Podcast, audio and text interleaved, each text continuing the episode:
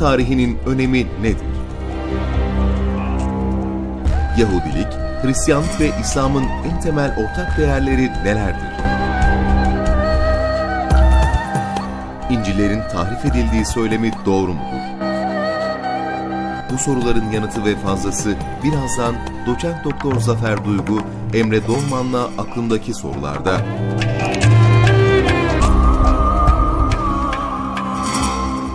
TV8 ekranlarından aklımdaki sorular programımızdan hayırlı geceler diliyoruz değerli izleyenler. Bu geceki programımızda doçent doktor Zafer Duygu hocamız var. Mardin Artuklu Üniversitesi Edebiyat Fakültesi öğretim üyelerinden. Hazreti İsa'yı ve Hristiyanlığın tarihsel serüvenini konuşacağız. İnciller meselesini konuşacağız bu gece hocamızla. Hocam hoş geldiniz. Teşekkür ediyorum, hoş bulduk. Hemen başlayalım isterseniz. Ee, konu hakikaten önemli bir konu. Ee, hem Hristiyanlığın tarihsel serüvenini anlamak açısından hem Hz. İsa'yı hem erken dönem Hristiyanlığın hem de İnciller meselesini biraz bu gece e, masaya yatıralım istiyorum. Olur. Bu konuda çünkü hani biz hep vurgulamaya çalışıyoruz. İslam inancı hakkında doğru bildiğimiz birçok yanlışlar var. Bunları dile getirmeye çalışıyoruz.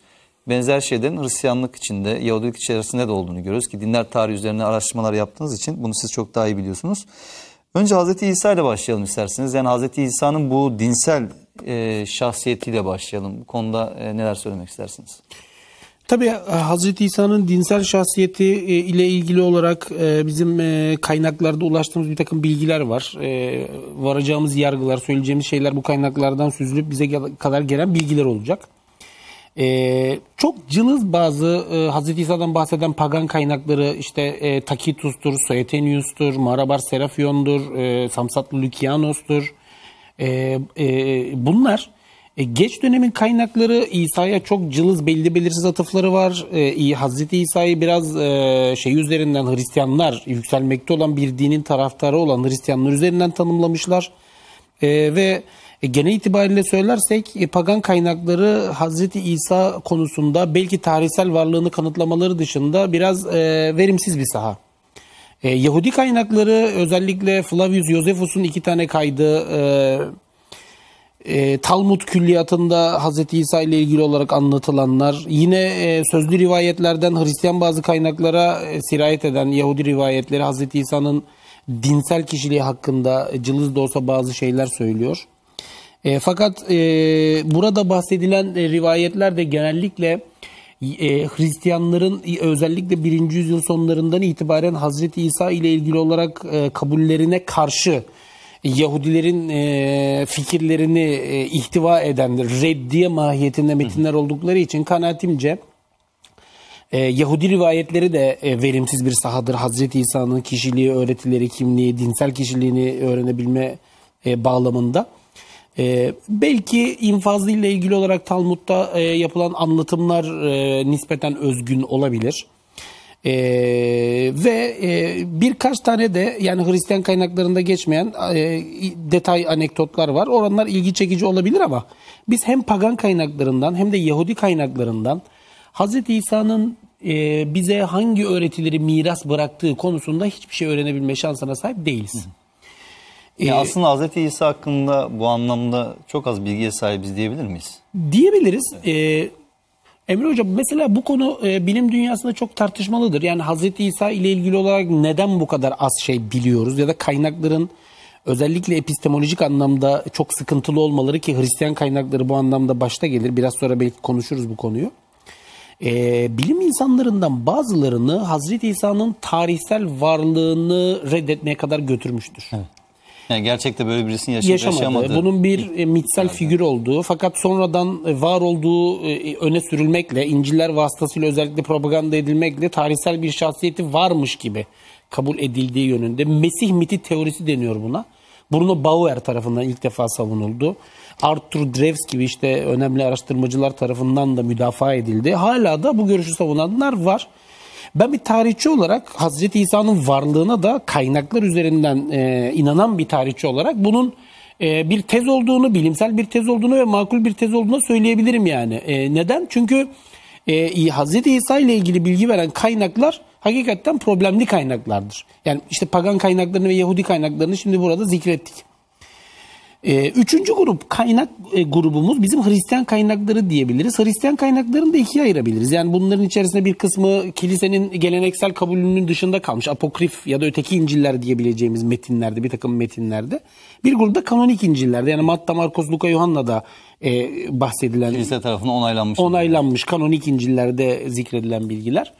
E, apokrif İncil'lerin içerisinde bence Yakup İncil'i gibi Yahudi Hristiyan İncil'leri gibi metinler İsa'nın öğretileri noktasında önem taşır. Özellikle İsa'nın e, hangi kültür ve inanç dairesi içerisinde e, e, bir, takım öğretiler neşretmeye çalıştığının cevaplanması noktasında önemli metinlerdir. Bunun gibi mesela Thomas İncil'i çok önemlidir. İşte 1945'te Nag Hammadi'de e, yapılan yani Kuzey şey, Mısır'da yapılan kazılarda ortaya çıkarılan o e, literatürün de müstesna parçasıdır Thomas İncil'i. Sadece İsa'nın sözlerinden oluşan bir metindir. Ne zaman yazıldığı tahmin ediliyor hocam onun aşağı yukarı? E Şimdi biz bu metinlerin hangi hiç aslında bütün İncil'ler için konuşayım. E, hiçbir tanesinin tam olarak ne zaman yazıldığını tespit edemiyoruz. Fakat bunların el yazmaları sonraki nesillere e, intikal etmiş.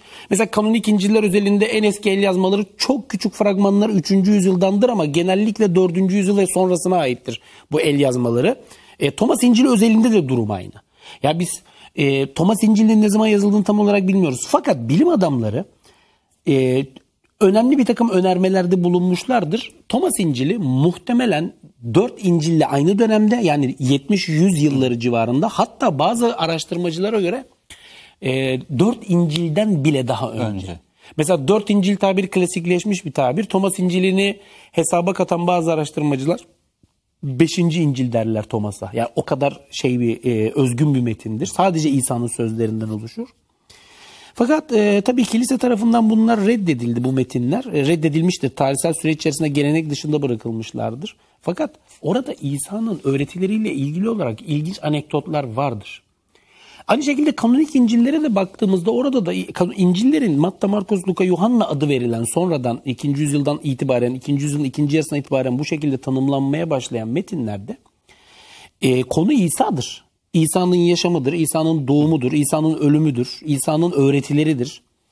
E, tabii ki e, e, İncil'ler ile ilgili olarak e, bilmek zorunda olduğumuz bir takım şeyler var. İncil'leri okurken bilimsel bir gözle yani bu metinlerin tabii ki dinsel metinler olmasına saygı duyuyorum ama ben bir tarihçi olarak dinsel bağlamının dışında bir gözle bu metinlere bakıyorum. Benim için bunlar tarihsel metinler. Birinci yüzyılda yazılmış, birinci yüzyılın ikinci yarısından günümüze kadar intikal edebilmiş tarihsel metinlerdir. Bu metinlerin e, amaçlarını e, bilmek lazım. Yazarlarının amaçlarını bilmek lazım. Yazarları hakkında belirli şeyleri bilmek lazım. E, bu metinlerin hangi amaçlarla kaleme alındığını ve oradan yansıyan bilgilerin nasıl okunup yorumlanması gerektiğini bilmek lazım. Yani burada işin içerisine tabii ki tarih biliminin araştırma yöntemleri girecek. Burada kitab-ı mukaddes eleştirisi başlığı altında bir takım e, geliştirilen yöntemler girecek. E, biz e, lafı çok uzatmayayım yani hem kanonik hem apokrif İncil'lere şöyle e, kuş bakışı olarak baktığımızda e, İsa hakkında farklı farklı e, e, olguların bize yansıdığını görüyoruz. İncillerden bir tanesinde İsa Tanrı'dır bir tanesinde metafizik bir varlıktır. Bir tanesinde bir beşerdir. Bir tanesinde Yahudi inancı bağlamında bir Mesih'tir. Ötekinde Tanrı ile insanlar arasında şefaatçi pozisyonunda bir e, varlıktır. E, Gnostikler için başka bir şeydir. Doketikler için başka bir şeydir. Markion için başka bir şeydir. Yani erken Hristiyan dünyasında, Hristiyanlığın erken döneminde e, İsa'nın ölümünden bir asır, iki asır, üç asır sonra ee, İsa birçok farklı cemaat tarafından farklı farklı şekillerde tanımlandı. Zaten meselenin yani kristoloji dediğimiz disiplinin evet. arka planı burası ve meselenin düğümlendiği nokta da burasıdır. Ancak ben e, yani e, e, ya da bilim dünyasının en azından sizlerle onu paylaşayım. Bilim dünyasının 18. yüzyıldan itibaren Hermann Reimarus'tan itibaren öyle söyleyeyim. Çünkü bilim dünyasında tarihsel İsa araştırmalarının başlangıcı noktasında Reimarus ve Lessing hemen sonrasında çok önemli insanlardır. Ki Alman e, geleneğinin başlatıcıları aynı zamanda. Almanlar 19. yüzyılda domine etmişlerdir yeni ait araştırmalarını. Alman araştırmacılar. O tarihlerden itibaren bugüne kadar yapılan araştırmalarda bilim insanlarının kahir ekserisi tarihsel İsa diye bir e, kavram üzerinde duruyorlar. Neden tarihsel İsa? Çünkü bilim insanları şu sonuca vardılar bu bahsettiğim e, yöntemleri kullanarak yaptıkları araştırmaların sonucunda tarihte etiyle kemiğiyle İsrailoğulları kavmine mensup bir insan olarak yaşamış olan İsa ve o İsa'nın öğretileri İsa'nın ölmesinden sonra kurulmuş olan kilise tarafından propaganda edilen göksel Mesih kavramından çok farklıdır. O İsa bir beşerdir. O İsa bir peygamber figürüdür. İnsanlar kabul etmiştir, etmemiştir. Bu ayrı bir konu. Kendisiyle ilgili iddiaları bu yöndedir yani. Yahudi bağlamında bir Mesih'tir. Yani kurtarıcı siyasi bağlamıyla dünyevi bir e, figürdür. E, kaynaklardan süzülen bilgilerden biz bunu e, net bir biçimde görüyoruz. İsrailoğulları kavmi bünyesinde faaliyet göstermiştir. Tevrat ve yasa merkezli bir öğretinin şeyidir. Monoteist bir öğretiyi savunmuştur. Hayatı boyunca Allah ya da İsrail'in tanrısı yani e, Hristiyan terminolojisi şekliyle e, ifade edersek hakkında vaazlar vermiştir. Onun egemenliğini vaaz etmiştir. Yani ilahlık iddiasında bulunmamıştır. Kesinlikle yaşama sırasında böyle bir iddia yok. Ben bunu söylediğimde Emre hocam e, bazen eleştiriler geliyor. Yani neden böyle söylüyorsunuz? İşte siz e, Hristiyan teolojisi neden yani orada bir Hristiyan yok? Ya ben bir Müslüman e, sıfatıyla burada değilim. Ya ben burada bir bilim adamı sıfatıyla Tarihçi, bilim adamı. Evet ben bir tarihçiyim yani. E, bana inanmayanlar mesela Raymond Brown Katolik bir yazardır. Katolik e, İngilizce bilenler mesela onun e, çok bilim dünyasına ses getiren bir makalesi var. Türkçesini şu şekilde ifade edeyim. İsa yeni ahitte tanrı olarak tanımlanır mı? Yani e, bunu tahmin ediyorum e, şeyde arama motorlarında falan yazdıklarında İngilizce bilenler okuyabilir. Mesela Katolik bir yazar olarak bu soruyu tartışır ve sonucunda der ki yeni ahit metinlerinden hareketle biz İsa'nın kendisi hakkında tanrılık, ilahlık ya da beşer üstülük iddiasında bulunduğu sonucuna varmamız mümkün değil. Yani kanonik İncil'ler Evet, açısından bizzat Hristiyan kutsal metinlerinden hareketle. Dolayısıyla e, Hazreti İsa'nın dinsel kimliği bağlamında bizim söyleyebileceklerimiz ana hatlarıyla bunlar. Ama tabii ki bu meselenin çok daha farklı boyutları var. Yani burada aslında bizim yani diyelim ki e, Hristiyan e, vatandaşlarımızın ya da Hristiyanların genel olarak e, bu konuda neye inandıkları veya neye düşündüklerinin dışında e, Hristiyanlık literatürü içerisinde bilimsel çalışmaların bize neler Gösterdiği sonuçlar bunlar. gösterdiğinden bahsediyoruz. Şimdi. Aynen bunu, öyle, Bunu konuşuyoruz. aynen Yoksa öyle. yani bireysel olarak insanların neye inandığını veya e, Tabii ki, saygı duyuyoruz. gibi bir derdimiz yok. Tabii ki, Tabii ki yani tabii o ki. inanç Bütün inançlara saygı duyuyoruz, E, tabii. kendi içerisinde belki gerekçesi veya haklılık şeyi olabilir. Bu ayrı bir durum. Ama Tabii. biz burada Hristiyan literatür üzerinden hatta bir Müslümanın bakış açısıyla da değil dediğiniz gibi yani bir bilim adamı bir tarihçinin bakış olarak, açısıyla ki. meseleyi anlamaya Tabii çalışıyoruz. Ki, tabii ki. E, yani e, Hocam peki bu anlamda o zaman İncil'ler yani elimizdeki mevcut en azından kanonik İncil dediğimiz Matta, Markos, Luka, Yuhanna İncil'leri Hazreti İsa hakkında yeteri kadar ve güvenilir bilgi ihtiva etmiyor denebilir mi? denilebilir. Denilebilir. Tabii burada işin e, içi, içine e, meselenin e, burada mutlaka bizim açmak zorunda olduğumuz farklı bağlamları var. Şimdi Hazreti İsa'nın ölmesinden sonra asli günah doktrini diye bir inanç ortaya çıktı. Yani biz Hazreti İsa'nın aslında İsrailoğulları bünyesinde ve Yahudi inancı, monoteist Yahudi inancı bünyesinde faaliyet gösteren o dinsel kimliği üzerine durduk ya. Hazreti İsa'nın ölmesinden sonra Pavlus diye bir e, tarihsel şahsiyet e, ortaya çıktı ve Pavlus asli günah doktrini diye bir öğretiyi gündeme getirdi. E, şimdi e, neydi bu öğreti? Önce kısaca ondan bahsedelim. Diyor ki e, işte yaratılış kitabında yani Tevrat'ın e, şeyinde yaratılış kitabında da anlatıldığı üzere diyor. İşte Adem'in e, cennetten kovulmasına sebep olan bir günah vardı ve bu günah e, bütün insanlık ailesine sirayet etti. İnsanlık Adem'den İsa'nın gelişine kadar olan o süreç boyunca hep günahkardı. Çünkü nesillerden nesile devraldılar bu günahı. Ha, biz mesela İslam'da günahı genelde şöyle biliyoruz, şöyle algılıyoruz. Yani bir insan eee, artık yani aklı bir takım konulara yetmeye başladıktan sonra diyelim eee, kendi yapmış olduğu eylemlerin ahlaki sorumluluğunu üstlenmesi gerekiyor. Dolayısıyla yanlış bir şey yaptığı zaman oradan oluşan bir işte hatasının bir sonucu olarak bir günah kavramını algılıyoruz. Ama burada doğuşundan itibaren Kesinlikle. günahkar olarak dünyaya geliyor zaten. Haklısınız. Yani asli günah doktrini budur. Çocuklar günahlı doğarlar. Çünkü günah insanlığın fıtratın evet ilk gününden itibaren Adem'in cennetten kovulmasından itibaren sonraki nesillere sirayet etmiştir. Hatta e, bu teoriye göre yani Pavlus teolojisine göre, asli günah doktrini teolojisine göre e, Musa vasıtasıyla insanlara şeriatın gönderilmesi de onun bir cezasıdır. Yani insanların hayatlarını en ince ayrıntısına kadar, yani Pavlus'un Detaylı. söylemi üzerinden konuşuyorum. E, en ince ayrıntısına kadar dizayn etmeye çalışan ve onları e, onlar için belki Pavlus teolojisi özelinde yaşamı çekilmez kılan şey de aslında bu cezalandırmadır. Fakat Tanrı merhametli olduğu için ve insanlıkla e, barışmak istediği için kozmik bir plan tasarlamıştır. Nasıl bir plandır bu? Aslında bu biraz fısıhla da ilişkili. Çünkü Yuhanna İncil'i İsa'yı fısıh kuzusu olarak tanımlar. Ee, bunun sebebi de aslında biraz e, açmış olacağız bu vesileyle. Şimdi Yahudiler mesela fısıh bayramında Kudüs'e gelirler bir kurban sunarlar. O kurban onların bir yıllık günahlarının kefaretidir. Ki Yahudilikte çok önemli bir ibadettir. Kurban Tabii. ibadeti. Peki Emre Hocam soru şu. Şimdi bir yıllık günahın kefareti eğer böyle bir kurban ha- hayvan sunulmasıysa bütün insanlığın ta Adem'den itibaren yüklendiği bir günahın kefareti ne olabilir? İşte İsa'nın biz Pavlus teolojisinde Hazreti İsa'ya biçilen rolü anlayabilmek için bu sorunun cevabına odaklanmamız gerekiyor. Pavlus diyor ki Yüce Tanrı merhametli insanlıkla barışmak için kozmik bir plan yaptı. Neydi bu? Kendi oğlunu kendisiyle aynı öze sahip olan Yani- ilahi bir varlık olan Mesih'i Meryem Ana'nın rahmine düşürdü ve oradan ete kemiğe bürümek suretine. suretinde. Evet enkarnasyon dediğimiz hadise. Oradan e, İsa vücut buldu. insanların arasında yaşadığı birçok mucizeler gösterdi. Aslında bu mucizeler onun ilahi kimliğine işaret eden işaret yani şeylerdi, simgelerdi. Bunu kanıtlayan delillerdi. Ve en nihayetinde İsa çarmıha gerildi. Çarmıh üzerinde kendi kanını ve bedenini insanlığın Adem'den itibaren yüklenmiş olduğu günaha kefaret olmak üzere feda etti. Yani bu Pavlus'un öğretisi. Pavlus'un öğretisi budur. Asli günah doktrini. Şimdi bizim Hristiyanlık dediğimiz dini anlamak için biz bunu bilmek zorundayız. Hristiyanlığın temeli budur.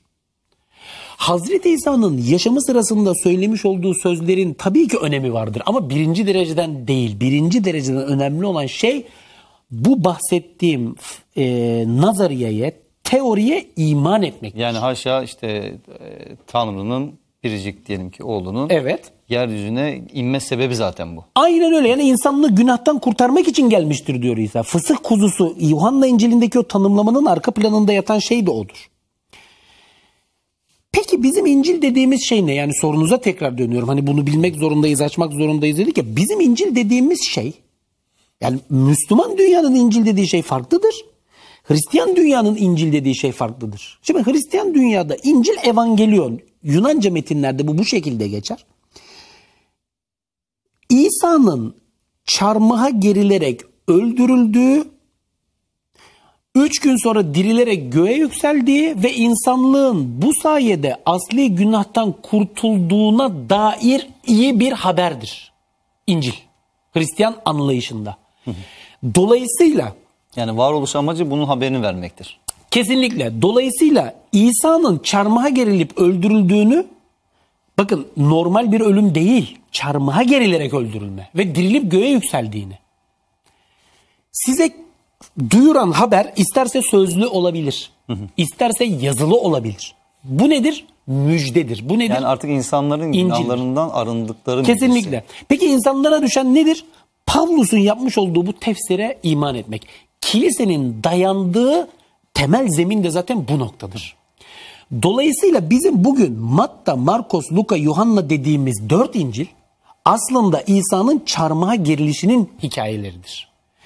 Bu haberi yani insanlığın bu sayede günahtan aklandığına dair bir propagandadır. Yaygın inançta daha çok Hz. İsa'nın hayatını konu edinen Değil. metinler olarak algılanır. Değil. Ama bunun asıl ana teması yani Hz. İsa ile ilgili bir takım bilgiler ihtiva etse de ana tema burada aslında bu asli günah inancı ve Evet. çarmıha gerilme meselesi. Evet, bir, yani uyandırmak muhatapların bu İncil metinlerinin muhataplarında böyle bir inanç uyandırma çabasıdır.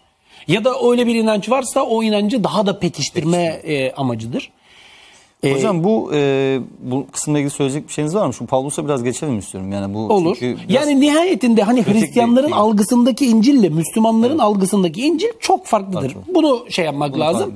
Bir de hani biraz önce sö- söyledik ya mesela Thomas İncil'i niye kilise tarafından İncil olarak kabul edilmiyor? Ya Thomas İncil'i İsa'nın sözlerinden oluşuyor. Yani çarmıha gerilip dirilme e, anlatısının önemine ya da asli günah doktriniyle ilgili bir şeyi yok. Muhteviyatı yok. kilisenin işine mi gelmiyor bu? Evet anlamda? kilisenin kendi teolojik şeyine e, uymayan bir İncil'dir ya da Yahudi Hristiyan Peki bu İncil'dir. sadece teolojik bir şey, konu mu yoksa yani kilise neden asli günah e, inancı üzerinde bu kadar e, bunu bir iman meselesi haline getirip bu kadar üzerinde duruyor? Çünkü Bunun bir arka planda yani siyasi e, bir boyutu var mı? Tabii çünkü e, Hristiyanlık yani bu doktrin bahsettiğim asli günah doktrini İsa tarafından gündeme getirilmiş bir doktrin değil. İsa'nın özgün havarileri tarafından gündeme getirilmiş bir doktrindir. Yani Hazreti İsa'ya duyulması gereken minnetin acaba kiliseye veya kilise babalarına aktarılmasının bir şeyi mi arka planda bu? Evet O otoritenin, o gücün. haklısınız. Peki neden? Yani burada zaten hani sorumuz bağlamında da açılması gereken nokta bu. Dönemin siyasi konjonktürü.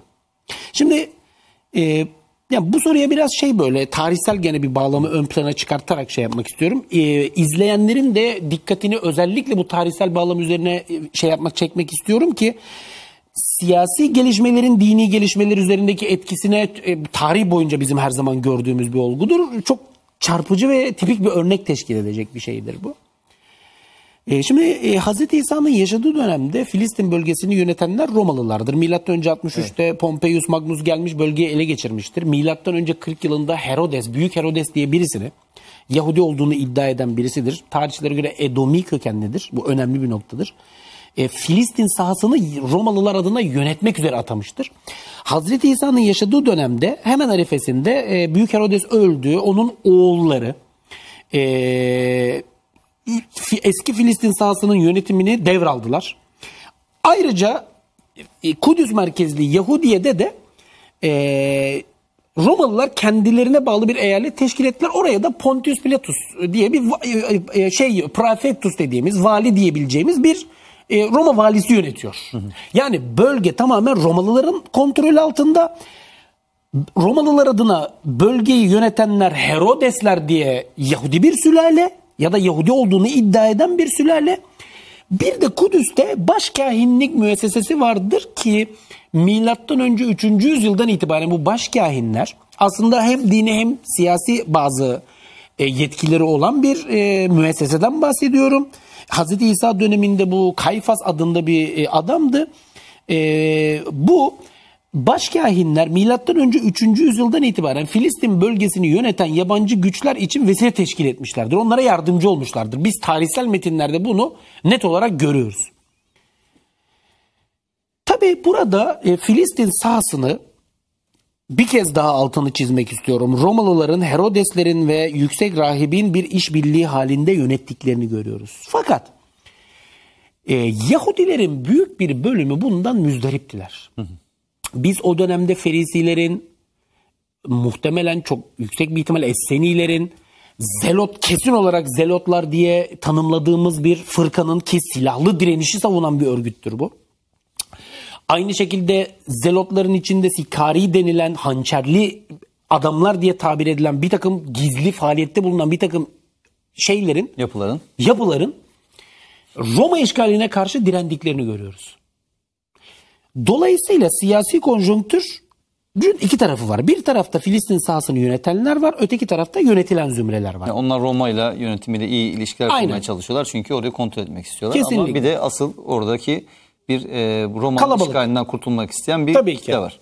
Meselenin siyasi boyutunun tabii ki sosyal kültürel yansımaları da olmuştur. Mesela e, biz daha önceki süreçlerden itibaren tabii ki Romalılar kendi kültür havzalarını temsil ediyorlar. Belirli oranlarda Helenizmi temsil ediyorlar değil mi? Pagan dünyayı temsil ediyorlar. Yahudiler ise belirli oranlarda kendi şeylerini temsil ediyor. Mesela monoteist bir yasa merkezli bir inanışı temsil ediyorlar.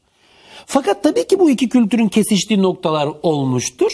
Ee, Yahudiler içerisinde bazı şehirlerde ya da özellikle entelektüel kesimlerde Helen kültürünün biz belirli ölçekte yayıldığını da görüyoruz. Fakat özellikle Filistin kırsalında ya da belirli bölgelerde Roma işgaline karşı direniş fikri çok canlıdır. Bağımsızlık düşüncesi. Bu bağımsızlık düşüncesinin tecelli ettiği temel kavram Mesihliktir. Kurtarıcı. Evet, siyasi, beşeri kurtarıcı ya da kral. Mesih ne demek? Yahudilerin kralı demek. Mesih'ten beklenen nedir? Yahudi bağımsızlığını temin etmesidir. Peki İsa dönemi özelinde bu konunun e, ya- ulaşacağımız yargı nedir? Roma işgalinin ortadan kaldırılıp Filistin sahasında tıpkı Musa'nın bir zamanlar halkını Mısır'da kölelik yaşamından kurtarması gibi şimdi de Roma işgalinin ve Roma'da Romalıların o hegemonyasının e, kırılarak Yahudi bağımsızlığının temin edilmesi. Şimdi biz İsa'nın Mesih tabirinden bunu anlayıp anlamadığını bilmiyoruz. Çünkü bizim elimizdeki kaynaklarda bu sorulara açık yanıt yok. Ama şunu biliyoruz. Etrafındaki insanların birçoğu İsa'ya bu misyonu yüklemişlerdir. Siyasi bir misyon var. Kesinlikle. orada. Sadece dinsel değil. Bakın İsa mesela Matta İncil'de der ki kılıç getirmeye geldim barış değil. Mesela.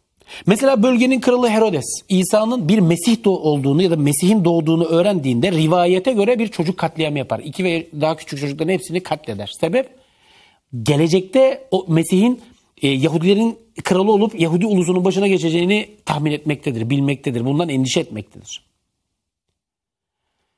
Tabi burada çok daha çarpıcı olan İsa'nın infazına dair anlatılardır ki e, biliyorsunuz e, Emre Hocam e, Hristiyan kaynakları İsa'nın çarmıha gerildiğini söylerler.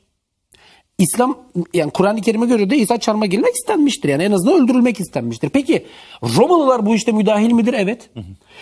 İsa meselesi salt Yahudilik, salt e, Yahudi yasası bünyesinde cereyan eden bir hadise olsaydı Romalılar bu işe müdahil olmazlardı. Romalılar bu işe müdahil olduklarına göre bu işin siyasi cephesi var. Yani Romalıları kışkırtan bir grup da var. Kesinlikle. Orada. Yani o siyasi olarak e, Kesinlikle. aslında bu Hazreti İsa'nın sadece tek başına dinsel bir öğreti sahibi olmadığını krallık iddiasında bulunduğunu, Bulunduğunu ya da etrafındaki işte, evet, insanların öyle şey şey yaptıklarını yaptı, algıladı.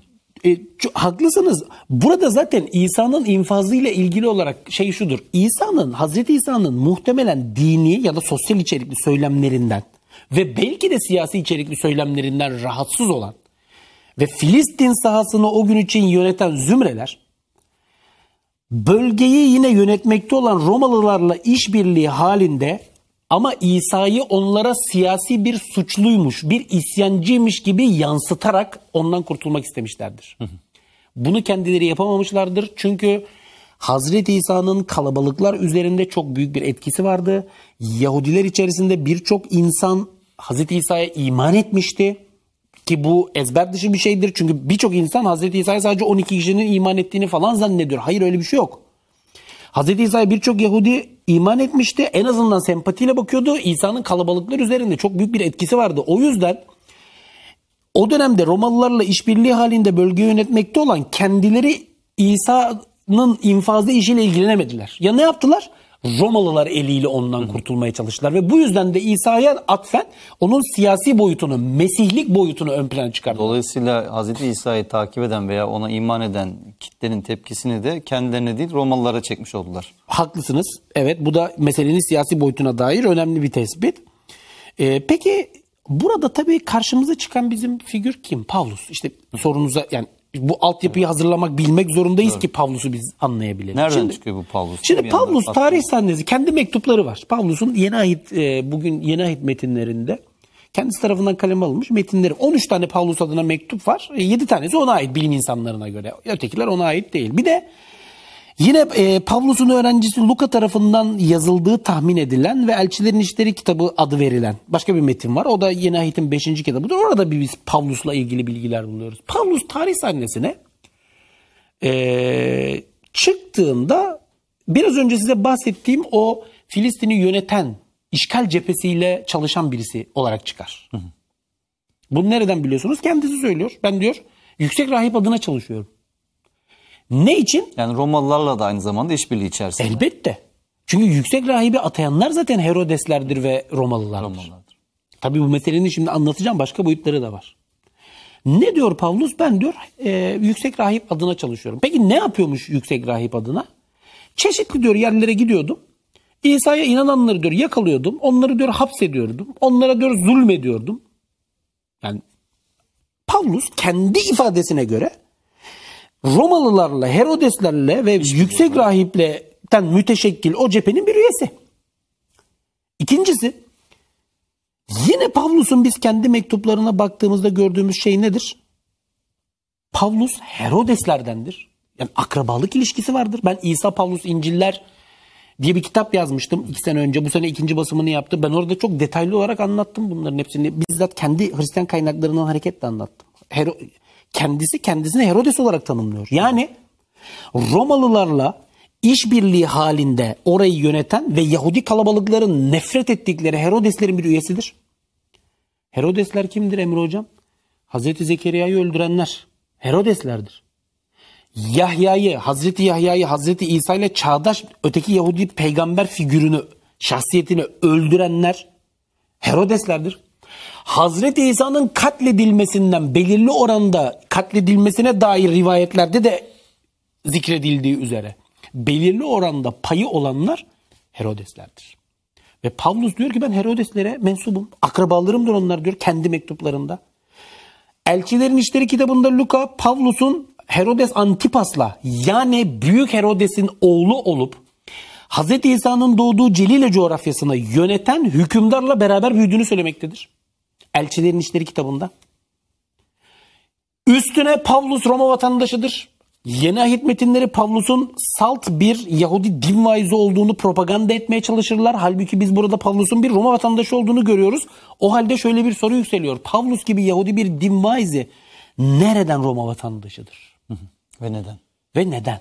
Biz biliyoruz ki bir önceki yüzyılda Romalılar Filistin sahasını ele geçirirken Herodesler bu işgale yaptıkları yardımın karşılığı olarak Roma vatandaşlığını elde ettiler. Bakın bu konuda birçok başka deliller var. Ben bunu o ki- bahsettiğim kitabımda hepsini detaylı şekilde anlattım. Pavlus tarih sahnesine çıktığı anda işgalci cephenin bir üyesidir. Peki ne olmuştur sonra? Pavlus bir gün rivayete göre, kendi anlatımına göre, özür diliyorum. şunu sorayım mı hocam önce Tabii, buyurun. Yani Pavlus e, böyle bir kişi ise Hazreti İsa'dan ve Hazreti İsa'nın öğretilerinden ne istemiştir? Yani onunla ne derdi vardır? Tabii e, Yani bu asıl mesela dinsel bir dert midir? Ee, yani teolojik bir dert midir? İşte siyasi bir dert midir? Ne derdi vardır? Şimdi Herodeslerin e, tarihçi Yosefus'un anlatımına göre Herodeslerin e, bir e, siyasi ve kültürel programı var. Daha Pavlus öncesinden. Nedir bu? Yahudi kültürünü pagan kültürle mezzetmek. Bunun sebebi şu. Yahudiler Mesih'i bir takım isyanlarda bulunuyorlar devamlı. Milattan önce 4 ilk Mesih'i isyan Celileli Yahuda. Milattan sonra 132-135 o dönem bağlamında son e, Yahudi isyanı. Bar Kohba isyanı. Bakın arada birçok Mesih'i isyan var ve bu isyanların hepsinin ortak hedefi Roma işgalini kırmak. Peki Herodesler ne yapıyorlar? Herodesler tam Romalı işgalcilerle tırnak içinde Romalı bölgeyi yöneten Romalılarla yönetilen Yahudilerin kesiştiği noktada var olmuş ve varlıklarını da o noktaya borçlu olan bir hanedandan bahsediyorum. Onlar Romalılara karşı Yahudilerin o Mesih'i direnişi kırılacak ki varlıklarını devam ettirebilsinler. Bilmiyorum ifade edebiliyor Tabii muyum? tabii. Gayet net. Peki burada bizim karşımıza çıkan olgu nedir? Yani aslında varlıklarını ve varlıklarının devamını Roman işgaline borçlular. Kesinlikle haklısınız. Kesinlikle haklısınız. Peki İsa'nın Mesih oluşunun o halde Herodesler ve Romalılar için e, arz ettiği anlamı herhalde artık anlatmaya gerek yok. Yani e, yani mesela 2. Dünya Savaşı'nda Hitler'in yönettiği Almanya'da nasyonel sosyalizme karşı bir insan olduğunuzu düşünün. İşiniz çok zor yani. Daha kötü durumda olmanız daha kötü bir durum nedir? Birinci yüzyılda Filistin sahasında birilerinin size Mesih demesi. Romalılar için ve Herodesler için ve yüksek e, başkahin için başlıca e, düşman sizsiniz. Çünkü siz potansiyel bir siyasi şüphelisiniz. Her an isyan edebilecek arkasında gizli teşkilatlanmış kalabalıkları harekete geçirebilecek. Kesinlikle. Biz zaten birinci yüzyılla ilgili kaynaklarda anlatılanlara baktığımızda da bunları çok net olarak görüyoruz. Peki Pavlus ne yapmıştır? Bakın. Pavlus tarih sahnesine çıktı. Nasıl? Rivayete göre Kudüs'te şeyden Kudüs'ten Şam bölgesine giderken e, birdenbire gökte e, İsa'nın ölümünden sonraki süreçte işte belki iki sene, belki üç sene, belki beş sene sonra bilmiyorum. Gökten e, İsa'yı görüyor ve İsa'nın bir havarisi olarak seçiliyor. İsa onu Yani dirilmiş olan İsa onu havarisi olarak seçiyor. Kendi öğrencisinin anlatımına göre ve kendisi de bazen teyit ediyor bunu. Yani peki Hazreti İsa hayattayken Hazreti İsa iman etmiş birisi değil. Hazreti İsa'ya iman etmemiştir. Hazreti İsa'yı görmemiştir. Öğrencilerinden biri değildir. Hiçbir zaman derslerine katılmamıştır. Zaten rivayete göre İsa'ya iman ettiği iddiasından sonra tanışmak için Yakup ve Petrus'la tanışmak için Kudüs'e gidecektir. Aslında o da muhtelif rivayet. Ee, yani epistemolojik bağlamda baktığınız zaman o rivayet de çok çürük bir rivayettir. Çünkü kendisi Eys Arabiyan diyor gittiği yere. Yani Arabia'ya gittim diyor ki o orası Ürdün sahasında e, özür diliyorum e, Filistin'in güneyinde Nebat krallığının yönettiği bir coğrafyadır. Bu meselenin ayrı bir boyutu. E, dolayısıyla haklısınız. Yani yaşamı sırasında İsa'yı tanıyan, bilen, onun derslerine katılan birisi değil. Burada ne yapmıştır? İsa'ya iman ettiği söylemi üzerinden bir takım teoriler geliştirdi. Fakat bizi ilgilendiren taraf şu. Bu teorilerin istikameti neydi? Şimdi sesli düşünüyorum.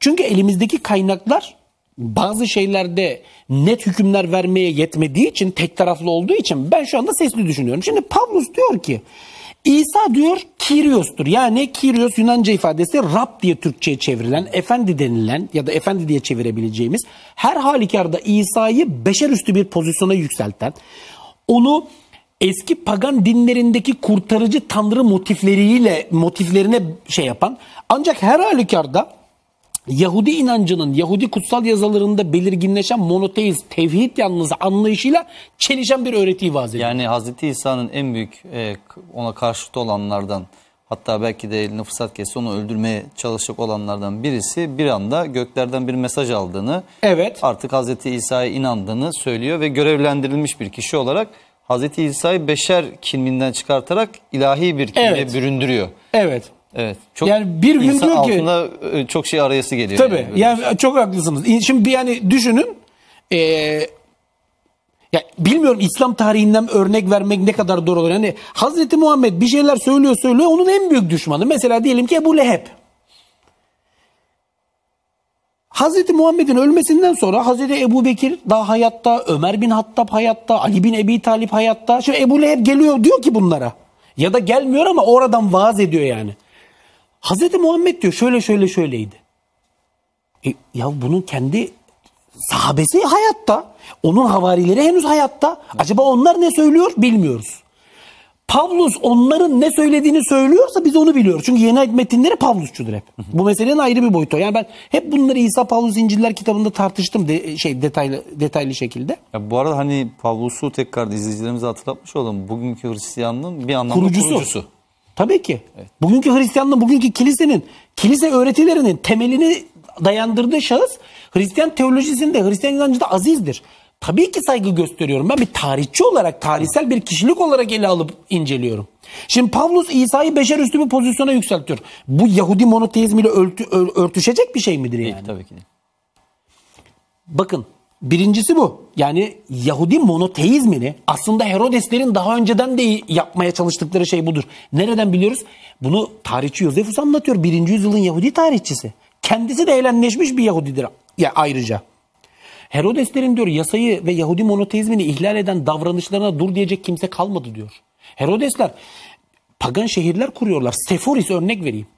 Nasıra'ya çok yakın bir yerdir. Bildiğiniz Romalılar için Roma şeyiyle e, dokusuyla kurulmuş bir şehir. Yahudi kültürünü nakşedildiği bir şehir değil. Yani e, adında belki Yahudilik var ama içeri içeriği tamamen Tabii e, ki pagan Yahudi kültürü. şehirlerinin içerisine Yahudilerce putperestlik olarak algılanan bir takım şeyler yerleştirmişlerdir. Heykeller, işte şeyler, ikonalar bilmem neler. Yasayı ihlal etmişlerdir. Ya Yahya'nın öldürülmesinin sebebi budur zaten. Hazreti Yahya Herodesleri eleştirmiştir. Siz gayri ahlaki bir evliliği var şeyin. e, Herodes Antipas'ın ona karşı yaptığı eleştiriler yüzünden e, onun sarayında katledilmiştir. Bakın zaten hareket tarzı itibariyle, istikamet itibariyle de baktığınızda Pavlus'un istikametiyle Herodeslerin istikametinin örtüştüğünü görüyorsunuz. Monoteizm kavramı bir. Nedir bu? Pagan Romalılarla monoteist Yahudilerin arasını ayıran temel konu. Bir tanesi çok tanrılı, bir kültür havzasında biz çok tanrılı inanışları görüyoruz, yaygın. Bir kültür havzasında tek bir tanrıya inanıldığını görüyoruz. Pavlus ne yapıyor? İsa'yı beşer üstü konuma yükseltmekle bakın tam tanrılaştırmamıştır ya da teslis çıkmaz. Onu söylemiyorum. Başka bir şey söylüyorum. İsa'yı beşer üstü bir konuma yükseltmekle Yumuşak bir geçiş gibi bir anlamda. aynen öyle ilk aşamasıdır. Ama biz İsa'ya bu şeyde biçilen rolü mitraizmden biliyoruz mesela. Kurtarıcı tanrı motifi. Bir. iki Neyi hedef almıştır? Yahudilerle Yahudi olmayanların arasını ayıran temel bariyer. Musa şeriatı. Pavlus'un mektuplarındaki en temel vurgu şeriatın hükmünün kalmadığıdır. Şimdi Emre hocam şeriat dediğimde de eleştiriyorlar. Yani şey işte efendim e, siz şeriatçı mısınız? Ya arkadaşlar yani. şeriattan kastımız yani bazı şeyleri kendi terminolojisi içerisinde kullanmanız gerekiyor. Şeriattan kastımız Tevrat'tır. Yahudi bilginler Tevrat'tan, Tora'dan sonraki yüzyıllarda yaptıkları Tevrat üzerine çalışmalarda birçok hüküm çıkardılar. Birçok madde çıkardılar.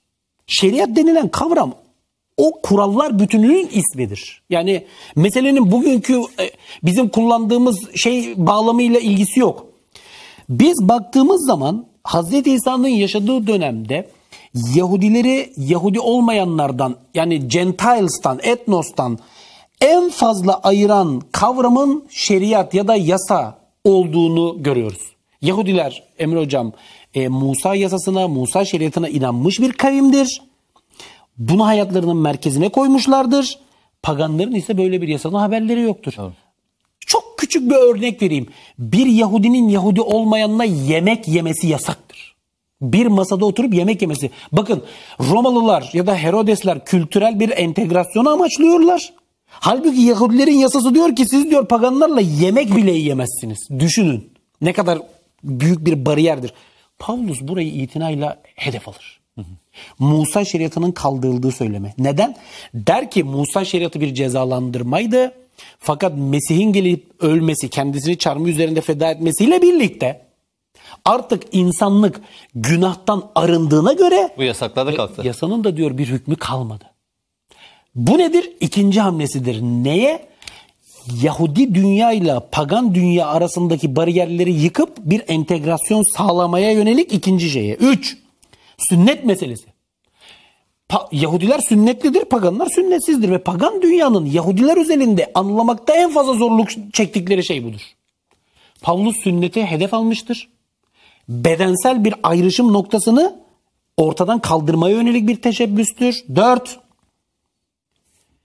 Mesih beşeri bir kraldır. Fakat Pavlus'un düşüncesinde Mesih göksel bir krala dönüşmüştür. Bakın çok açık ve net söyleyeyim. Dünyevi bir Mesih Romalılar için hiç de hoş bir şey değil. Dünyevi bir Mesih Herodesler için de hiç de arzu edilecek bir şey değil. Ama göksel bir Mesih'in ne Romalılara ne Herodeslere hiçbir zararı olmaz. Pavlus Mesih kavramının Yahudi bağlamında ihtiva ettiği anlamın içini boşaltmıştır. Onun yerine Romalılar ve Herodesler ve yüksek rahip için hiçbir zarar teşkil etmeyen krallığı bu dünyadan değil de öteki dünyadan olan Fizik ötesine göndermişlerdir yani. Aynen öyle. Metafizik bir kavrama tevil etmişlerdir. Bu nedir? Pavlus teolojisinin Yahudilerle Yahudi olmayanların arasındaki o bariyerleri yıkmaya yönelik başka bir söylemidir. 5. Biz biliyoruz ki İsa cemaati İsa'nın ölmesinden sonraki süreçte Nasraniler adı altında teşkilatlandı ve Yakup tarafından 62 yılına kadar yönetildiler ve bunlar Yahudiydiler. Musa şeriatına tabidiler. Havra'ya gittiler. Kilisede bir kurum kurmadılar. Bunların ideolojik pozisyonu Roma karşıtıdır. Bakın 62 yılında Yakup şehit edildi. Şehit edilmesinin arkasında yatan gerçeklerden bir tanesi şudur birçok tarihçiye göre. Yakup başkahinden nefret eden Roma karşıtı zümrelerin doğal bir lideri gibi görülmeye başlanmıştı. Peki ne yapmıştır? Bunlar Roma karşıtı. Nereden biliyorsunuz? Çünkü Romalılar tarafından, Herodesler tarafından Hazreti İsa'dan sonra da kovuşturuluyorlar. Nereden biliyorsunuz? Pavlus'un varlığı zaten bunu kanıtlıyor.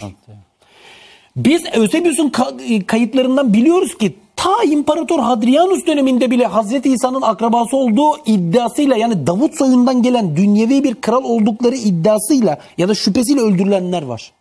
Yakup'un öldürülmesi, cemaatin Hazreti İsa sonra da kovuşturulmaya devam edilmesi bu harekete hala İsa sonrasında şüpheyle bakıldığını gösteriyor. Ve bunları biz Roma yanlısı değil Roma karşıtı, işgal karşıtı cepheye konumlandırmak zorundayız. Peki Pavlus'un ideolojik duruşu nedir? Roma yanlısıdır. Bakın Pavlus'un Romalılara yazdığı mektuba açın bakın. Orada göreceğiniz şey şudur. Diyor ki vergilerinizi düzenli verin. Yönetime itaat edin. Yönetime karşı direnmeyin. Asla baş kaldırmayın. Hocam bir Bunu tarafta hocam nasıl ben şunu daha çok merak ediyorum. Mutlaka izleyicilerimizden de bunu merak edenler olmuştur şu anda. Şimdi bunlar yeni ayet içerisinde geçiyor bu mektuplar. Evet. Romalılara mektupta dahil olmak üzere diğer mektupları da. Peki bunu şu anda e, yeni ahiti bu şekilde kabul eden işte Hristiyanlar nasıl tevil ediyorlar? Yani bu kadar açık bir şekilde Roma'yı e, kayıran, Roma'nın tarafında yer alan Pavlus nasıl oluyor da bugün işte Hristiyanlığın kurucusu ve bu kadar önemli bir Emre hocam şöyle görülüyor? ben burada sizinle 10 belki 15 yıldır yaptığım çalışmaların sonuçlarını paylaşıyorum. Dışarıdan akademi dışarısından e, sıradan bir insan bu metinleri okuduğunda bunların hiçbir tanesini fark edemez. Bunun sebebi şu. Mesela yeni ayet metinlerini okuduğunuzda, mesela İncil'leri okuduğunuzda benim şu anda size anlattığım siyasi konjonktürü orada göremezsiniz. Neden? Çünkü İncil'lerin yazarları Roma ideolojisi yanlısıdırlar. Onlar Filistin sahasının birinci yüzyıldaki siyasi şeyini hiçbir zaman yansıtmazlar. Ya ne yansıtırlar? İşte balıkçıların orada şeyde e, İsa'nın havarileri biliyorsunuz balıkçı falan ya onların böyle balıklarını tuttukları huzurlu falan böyle sakin dingin bir ülke. Hayır böyle bir şey yok. Filistin kaynayan bir kazandır. Yahudilerle Romalılar arasındaki siyasi çekişmelerden. Ya bunun kanıtını mı istiyorsunuz? 66-70 E, çok büyük bir Roma Yahudi savaşı. 132-135 Bar- İmparator Hadrianus dönemi. 100 yıl içerisinde Yahudiler için facia boyutunda felaketli sonuçlar vermiş olan iki tane büyük savaş var. Hatta oradan çıkartıyorlar o bölümleri. Evet. İmparator Hadrianus Yahudilere Kudüs şehrine girmeyi yasaklamıştır. Aile Kapitoline'de yeni, yepyeni bir pagan şehri inşa etti. Yıkılmış olan o şehrin yerine. Ve Yahudilere yasakladı o şeye girmeyi. Emre Hocam bir tarafta bir Mesih var. Mesih olduğu iddiasıyla Romalılar tarafından öldürüldüğü söyleniyor. Romalılar tarafından öldürüldüğü söylenen bir Mesih var. Öteki tarafta da Romalılara itaat edin, eden diyen bir Mesih elçisi var. Kim bu Pavlus? Peki biz yeni ayet metinlerine baktığımızda ne görüyoruz? Ben gene İsa Pavlus İnciller kitabında detaylı olarak anlattım. Pavlus'u Yahudilerden her zaman kurtaranlar, koruyanlar Romalı askerler. Pavlus Anadolu'nun birçok şehirde şehrindeki Romalı yöneticilerin hepsini çok iyi tanıyor. En son Pavlus bakın Kudüs'e geldiğinde bizzat elçilerin işleri kitabına göre linç edilmek istendi. Kim tarafından? Yahudiler tarafından. Luka elçilerin işleri kitabında orada meselenin sebebini Musa şeriatı karşıtı vaazlar olarak gösterir. Halbuki meselenin arkasında yatan gerçek şuydu. Yahudiler ve özellikle İsa'nın cemaati. Pavlus'un iki taraflı çalışan bir ajan olduğunu tespit ettiler, anladılar. O yüzden onu linç etmeye çalıştılar ve Romalılar onu o yüzden geldiler de kurtardılar. Bakın ben burada dini bir okuma yapmıyorum. Ben burada siyasi analitik bir tarih okuması yapıyorum. Yani beni ilgilendirmiyor hangi kim neye inanıyor, hangimiz hangi dine mensubuz falan bu bizim tartışmamız. Benim böyle bir konum yok. Ben bir tarihçiyim. Benim için bütün metinler tarihsel metindir. Bizim Pavlus dediğimiz ve Romalılarla, Herodeslerle, şeylerle ortak çalışan e, tarihsel şahsiyetin sonuç itibariyle yapmaya çalıştığı şey şudur. Pavlus Yahudi dünyayı Roma ile entegre etmeye yönelik bir aya Yahudiler üzerinde öteki aya Romalılar üzerinde devam eden ve daha önceden itibaren Herodesler tarafından yürürlüğe koyulan bir programı başarıya kavuşturmuştur. Belirli ölçülerde başarıya kavuşturduğu ölçüde Yahudiler kendi inancına ihtida etmiştir. Paganlar kendi inancına ihtida etmiştir ve biz bu inanca ne diyoruz Emir Hocam? Hristiyanlık diyoruz. Bilmiyorum net oldu mu? Gayet net oldu. Yani çok karışık bir konu olduğunun farkındayım. Ee, olabildiğince anlaşılır kılmaya çalışıyorum ama benim Hristiyanlığın ortaya çıkışı ile ilgili tarih okumam böyledir. Hocam peki Kur'an'ın Hristiyanlığa e, bakışı nasıldır bu anlamda? Kur'an'ın İsa'ya ve öğretilerine dair anlatımları erken Hristiyan literatürü üzerinde nasıl değerlendirilmelidir? Görebildiğim kadarıyla iki türlüdür. Bir tanesi e, tabii ki bir saygı bağlamı vardır. Çünkü Hristiyanların e, Hazreti İsa'yı kendilerine önder olarak görmeleri, en azından kendi dinlerinin menşei kaynağı olarak onu görmeleri. E, Kur'an-ı Kerim'in e, inzal nazil olduğu dönemin öncesinde tabii e, Kur'an-ı Kerim'de de zikredilen bir İncil şeyi var. Yani İncil'in Hazreti İsa'ya nazil olduğu inanışı. E, bir yönüyle baktığınızda Hristiyanlara bir saygı vardır ve benim görebildiğim Yani kadarıyla onların hepsi bir değildir. Tabii başlığı tabii altında. tabii Yani tabii. onları hepsini aynı kefeye Ve tabii koymayın. ki mesela onları hani e, her ne kadar dinleri tahrif edilmiş olsa da paganlardan ya da putperestlerden daha bir tercih daha üstün görme şeyi vardır. E, tercih edilesi bir grup olarak görme şeyi vardır ve bunları tabii ki biliyorsunuz ehli kitap olarak e, ta- şey yapar. E, meselenin bir tarafı budur. Fakat meselenin diğer tarafı işte e, Hristiyanların çeşitli sebeplerle e, İsa'ya ait öğretilerin özgün boyutundan uzaklaştıkları, işte İncil'in özgün boyutundan uzaklaştıkları e, eleştirisi vardır. Ve bu bağlamda e, tevhid ilkesi ekseninde Müslümanlarla e, birlik olmaya yönelik bir davet söz konusu. Yani Kur'an-ı Kerim'in ve aslında belki erken dönemde de Müslümanların Hristiyanlığa bakışları noktasında temel faktör bir yönüyle Hristiyanlara saygı atfetmek yani onları eskilerin e, eskinin o e, önemli peygamberlerinden bir tanesinin belirli ölçülerde belirli gruplar e, özelinde takipçi olarak görmek fakat diğer taraftan da e, Allah'ın ve Allah'ın İsa vasıtasıyla getirdiği öğretilerin e, tarihsel süreç içerisinde uzağında kalmak suretiyle e, o İsa'nın şeyinden uzaklaştıkları yönünde bir şeyleri var. Tabii ki e, Kur'an-ı Kerim'de erken Hristiyanlıkla e, bizim bir şekilde özdeşleştirebileceğimiz ya da Hazreti İsa'nın hayatıyla, yaşamıyla özdeşleştirebileceğimiz takım anlatılar var. E, tabii bu anlatılardan bazıları Hazreti İsa'nın ne söylediği noktasında, bazıları Hazreti İsa'nın hangi mucizeleri gösterdiği noktasında. Bir taraftan Hazreti İsa'ya nazil olan İncil'in içeriğinin ne boyutta olduğu, İsa'nın hangi misyonu güttüğü, nerede nasıl iştigal ettiği, yani hangi mesela İsrailoğulları kavmini e, muhatap alması noktasındaki şey gibi bir takım bilgiler var. Biz e, işin doğrusu Kur'an-ı Kerim'in erken Hristiyanlıkla ilgili olarak vermiş olduğu bilgilere baktığımızda ve bunların erken Hristiyan literatüründeki karşılıklarını ka- e, karşılaştırma olanağı bulduğumuzda birçoğunun erken Hristiyan literatüründe mevcut olduğunu görüyoruz. Yani mesela İsa'ya atfedilen mucizelerin neredeyse tamamı erken Hristiyan literatüründe vardır. Nasıl? Parçalanmış, dağılmış bir halde. Kanonik İncil'lerde mesela nasıl size ifade edeyim? Diyelim ki Hazreti İsa'nın işte çamurdan kuş şekli gibi bir şey yapıp üfleyip işte onun uçması. Bu mesela kanonik İncil'lerde anlatılan bir öğreti şey değil, Yani mucize Kur'an-ı değil. Kerim'de yer alan bu mucize kanonik İncil dediğimiz Matta, Markus, Luka, Yuhanna İncil'lerinde yer almıyor. Yer almaz. Ama apokrif İncil'lere baktığınız zaman geçer. Bu apokrif İncil'leri de şöyle geçer. Yani işin e, ilginç tarafı da orasıdır. Mesela bu İncil'lerin biz varlığını biliyorduk bazılarının ismen. Bazılarının da metinlerini de biliyorduk. Yani tarihsel süreç içerisinde vardı. Fakat bazısı metin olarak da yok. Bazısı ismen biliniyor, metni yok. Bazısı da ne ismi biliniyor ne cismi biliniyor. Kendisi de bilinmiyor. İşte bir yerde bir kazı yapılıyor. Mesela diyelim ki Nakamadi bunun çok klasik bir örneği. Veya Akmim'de mesela. Kuzey e, şey sahası mesela bu anlamda önemlidir. Yapılan bu kazılarda bir İncil nüshası bulunuyor. Bir bakıyorsunuz mesela bu bahsettiğim mucize orada geçmektedir.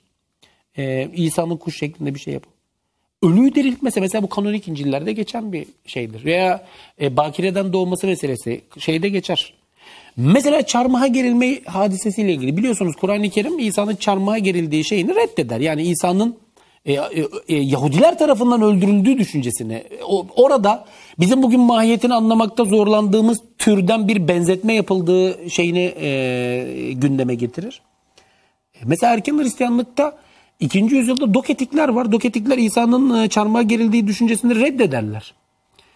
E, Bir benzetme yapıldığını, İsa'nın o sırada göğe yükseldiğini söylerler. Tabi arada bir takım farklar var. Yani Müslüman müellifler Hazreti İsa'nın çarmıha gerilmediğini, onun yerine Yahuda İskaryot'un çarmıha gerildiğini söylerler.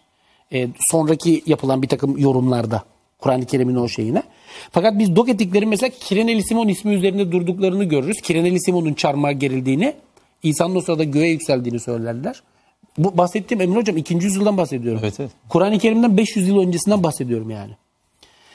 Ee, burada e, biz tabii ki e, bu anlatıların da e, yani farklı bir Hristiyan geleneğini teşkil ettiğini görüyoruz 2. yüzyılda. Ben aslında biraz e, bunu sormamdaki sebep şuydu hocam. Yani Kur'an-ı Kerim işte 7. yüzyılda vahyediliyor Hazreti Peygamber'e ve Kur'an-ı Kerim'de hem Hazreti İsa'ya hem Hazreti İsa'ya verilen İncil'e ve Hazreti İsa'ya iman edenlere, havarilere atıflar var.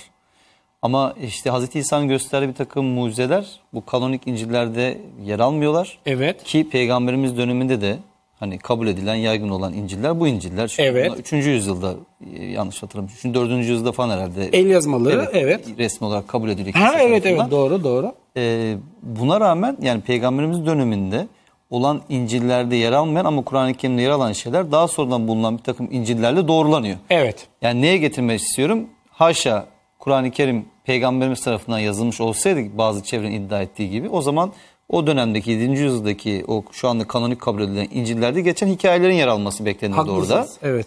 Ama böyle değil. Değil. Çünkü Çünkü e, yani bir- oryantalistlerin bir iddiası var. Mesela işte Rahip Bahir üzerinde çok duruyorlar. Rahip Bahira yani e, Hazreti Peygamber'e e, Kur'an-ı Bu hikayeler Kerim'deki şey- tabii o hikayeler anlatır. Fakat e, ben şunu söyleyeyim. Ben mesela e, Rahip Bahira öncesindeki o Hristiyanlığın ayrışımlarını, e, şeylerini falan da e, çalışmış bir akademisyen olarak söylüyorum. Rahip Bahira'nın ben bu İncil, bu kadar geniş bir İncil külliyatına hakim olacak kanaatinde değilim. Bilemezdi. Çünkü o kadar geniş bir yelpazede tecelli etmiştir ki Hristiyanlık 2. 3. 4. bunda bir yüzyıllarda. hikmeti var yani mutlaka. Tabii ki yani sadece Hippolytus mesela Romalı Hippolytus 3. yüzyılda 40 tane Epifanius 403 yılında ölmüş 60 tane farklı Hristiyan mezhebinden bahsediyor ki bu şu demek hocam. 60 tane farklı İsa tasviri var. Her birinin elinde bir tane, iki tane, üç tane metin olduğunu farz edin. Sonradan adına İncil denilen. Belki yüzlerce İncil var. Biz bugün Kur'an-ı Kerim'de zikredilen o hadiselerin, olguların, mucizelerin birçoğunu bahsettiğim bu geniş spektrumun içinde birisi o taraftaki, birisi bu tarafta, birisi şurada, birisi burada. O şeyin içerisinde bugünkü olanaklarla tespit ediyoruz. Yani e, Mekke şartlarında böyle işte kütüphaneler yoktu. Yoktu. İşte yazma eserlerin İnternet yoktu. incelenebileceği, bilgisayar ortamında internet üzerinden bu metinlerin işte dünyanın herhangi bir kütüphanesindeki metnin önünüze gelmesi gibi bir durum söz konusu değildi. Nasıl oldu da birbirinden bu kadar bağımsız ve o dönemde bulunmayan hatta insanların belki de haberdar dahi olmadıkları İncil'ler içerisinde geçen farklı farklı anlatılar Kur'an-ı Kerim'de bir araya gelip toplanmış olabilsin. Evet. E, Emre Hocam e, çok haklısınız. Aslında meselenin tabii bir şey boyutu da var. Yani e, İslam sonrası dönemde e, mesela Hristiyanlığın aslında yükselişte olduğu bir dönemdir. İlginç bir şey anlatayım. E, İslam sonrası dönem aslında Hristiyanlığın yükselişte olduğu bir. Mesela Nesturi Kilisesi denilen o Doğu Kilisesi uzak doğuda çok yükselişteydi o sırada. Fakat Hristiyanlıkla İslam karşılaştıkları her yerde e, Hristiyanlık e, şeye geçti. Ya bunu inanın dini bir refleksle söylemiyorum. Tarihsel olarak gördüğümüz şey budur. Yani İslam'ın gittiği no şeylerde e, Hristiyanlık gerileyici. Mesela ben de bunu bir makalede tartışmıştım daha önce. E, İslam sonrası dönemde Hristiyanlar arasında çok geniş çaplı bir İslamlaşma olgusu söz konusudur. Bakın bunu ben Hristiyan kaynaklarını hareketle söylüyorum. İslam kaynaklarını değil. Hristiyan kaynakları mesela Süryani kaynakları, mesela Süryani Patriklerin yazmış oldukları mektuplar, mesela Telmahrili Dionysius'un vekainamesi, mesela Zuklin Kroniği, mesela Mormihai Raboki 1199'da ölmüştür. Sü- Süryani. Mesela Nikyu Piskoposu Yuhanna Mısırlı. Mesela İskenderiye Patrikleri tar. Bakın ismen söylüyorum size. Merak edenler açıp bakabilir. Mesela sadece İskenderiye şehrinde 10 yılda binlerce insanın Müslüman olduğu söyleniyor. Ben bir tarihçi olarak şunu söyleyeyim. İslam sonrasında Müslüman olan herkes vicdani kanaatini dinleyip de Müslüman olmamıştır. Orada işin siyasi boyutu vardır, sosyal boyutu vardır, şusu vardır, busu vardır. Mesela Müslüman halifeler bir zaman bir yasa çıkartıyorlar. Diyorlar ki bundan sonra gayrimüslimler devlet dairesinde çalışamaz. Adam iyi geliri var, Hristiyan, devlet dairesinde çalışıyor. Diyor ki ya ben diyor Müslüman gibi görüneyim. Bu vardır. Ötekisi başka bir sebeple olmuştur. Birisi fakat çok hatırı sayılır bir kesim vicdani kanaatiyle Hristiyanlığı bırakıp Müslüman geçmiş. Evet. Bu tarihsel bir vakadır. Ben bunu bir Müslüman olarak Hristiyan tarihçilere, Hristiyan tarihçilerin verdikleri veriler üzerinden konuşuyorum. Burada girmiyorum detaylarına. Zaten süremiz doldu. Ha, modern literatürden de bununla ilgili e, söylenebilecek batılı Hristiyan, Hristiyan araştırmacıların yaptıkları şeyden de varacağınız yargı aynıdır. Hocam sizin bu konuda gerçekten çok e, hakikaten e, önemli çalışmalarınız var. Onları biz buradan izleyicilerimize tavsiye etmiş olalım. Bu konuda daha detaylı okuma yapmak isteyenler için hem kitaplarınız hem makaleleriniz var. Doçent Doktor e, Zafer Duygu hocamız bizlerle birlikteydi. Hazreti İsa'yı, İncil'ler meselesini ve erken dönem Hristiyanlığı konuştuk. Dediğim gibi daha detaylı okuma yapmak isteyenler için hocalarımız, hocamızın kitap çalışmaları ve makaleleri mevcut. İnşallah tekrar kendisinin burada misafir edip daha detaylı şekilde konuyu konuşmak da istiyoruz. Önümüzdeki hafta görüşmek üzere diyoruz.